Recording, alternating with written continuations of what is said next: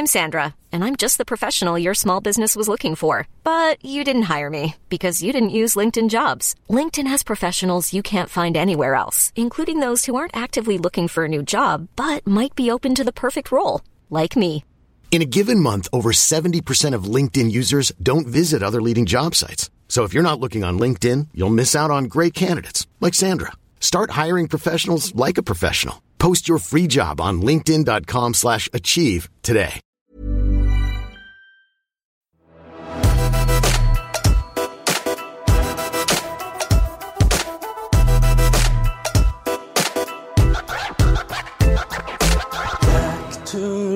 Life, back to reality. Tilbake til eh, virkeligheten, ja, tilbake til normalen, tilbake til kontoret.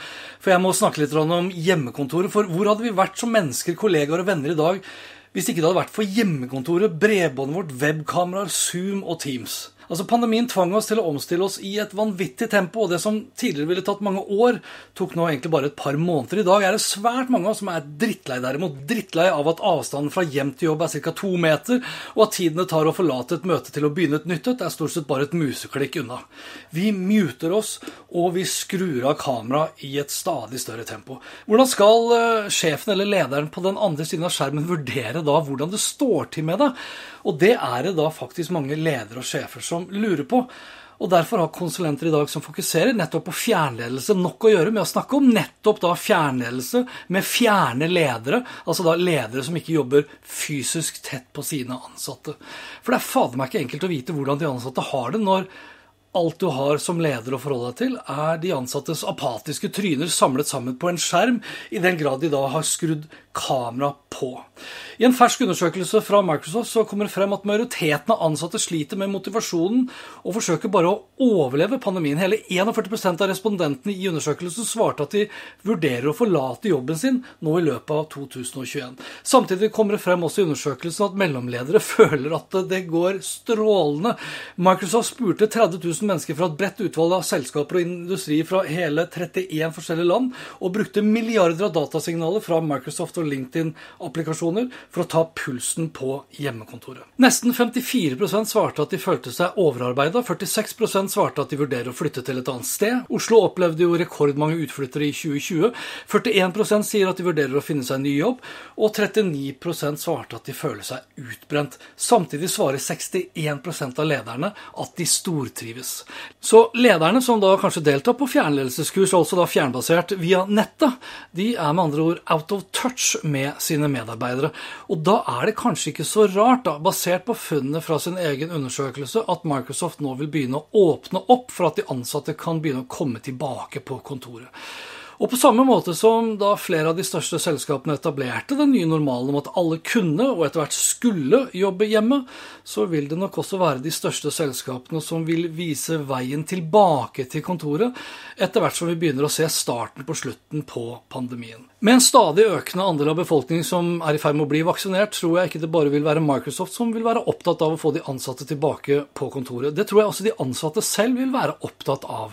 I løpet av pandemien har vi ikke minst lært hvor ille det kan være til tider å være nettopp isolert, og hvor slitsomt det er å stirre timevis inn i en skjerm hvor du ikke bare ser deg selv hele tiden, men også da fryktelig mange andre som du ikke helt vet hvem det er de ser på, og om de i det hele tatt da følger med. Telenor var ganske så offensive i sin hjemmekontorstrategi sommeren 2020. Da var det snakk om å la de ansatte beholde hjemmekontoret for alltid. Telenor hadde da valgt å følge de største Silicon Valley-selskapene sin hjemmekontorstrategi. Dette gir alle fleksibilitet og har vist seg å være mer effektivt for oss. Vi får koblet flere mennesker sammen og bryter med det klassiske hierarkiet i en bedrift. Jeg tror dette er framtidens arbeidsplass, sa Telenor-sjef Sigve Brekke den gang. Og nå begynner da de samme store selskapene, anført f.eks. av Microsoft, å åpne opp for det motsatte, altså da komme tilbake igjen på kontoret. Og da skal vi nok ikke se bort ifra at Telenor og øvrige norske selskaper også vil følge etter. Men helt tilbake til slik det var før pandemien, ja, det håper jeg virkelig ikke vi skal. For vi har jo lært at det går an å være produktive hjemme. Vi har lært at hjemmekontor ikke betyr det samme som det å gjemme seg hjemme. Og at det ikke da vil være snakk om enten-eller, men både og. Randstad, som er markedsledende innen HR-service, de la fram en undersøkelse her 23.3 som viser til at kun én av ti virksomheter vil innføre hjemmekontor som en permanent ordning etter pandemien. Fire av ti ledere har konkludert med at hjemmekontor vil være en naturlig del av arbeidshverdagen, også etter pandemien. Undersøkelsen til Randstad er ganske så sammenfallende med funnene fra Microsoft sin undersøkelse, men den skiller seg ut i positiv forstand ved at majoriteten av lederne Randstad har snakket med, sier de er bekymret for hvordan de skal lede og administrere medarbeidere som ikke er fysisk til stede. Videre er også topplederne i Ranstad sin undersøkelse bekymret for kulturbygging, arbeidsmiljø, fellesskap og den mentale helsen ved å bare jobbe fra hjemmekontoret.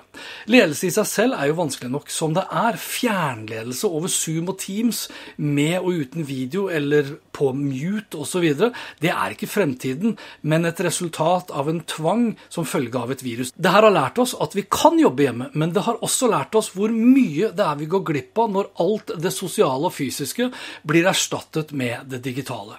Ryktene vil ha det til at mange av oss vil flytte ut av byene, men vil være ansatt i en by. At pandemien og den pågående hjemmekontorbølgen vil være redningen således for Distrikts-Norge. Det tror ikke jeg.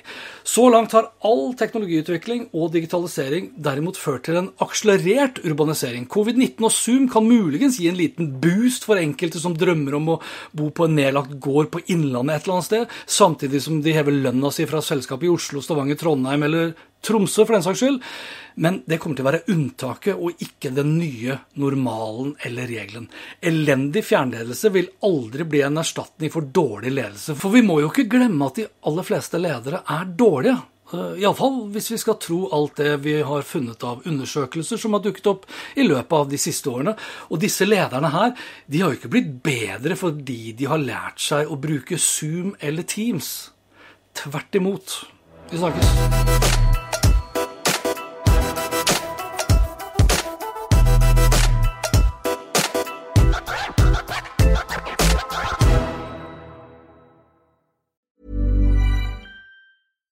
My business used to be weighed down by the complexities of in person payments.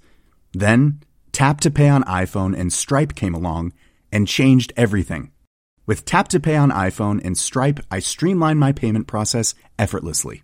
Now I can accept in person, contactless payments right from my iPhone. No extra hardware required. What's truly remarkable is how I can cater to all of my customers' payment preferences. Whether they're using cards, Apple Pay, or other digital wallets, Tap to Pay on iPhone and Stripe ensure a smooth checkout experience every time. And it's not just me. Stripe helps businesses of all sizes, from local markets to global retailers, scale quickly and stay agile. To learn how Tap to Pay on iPhone and Stripe can help grow your revenue and reach, visit stripe.com slash tap iPhone.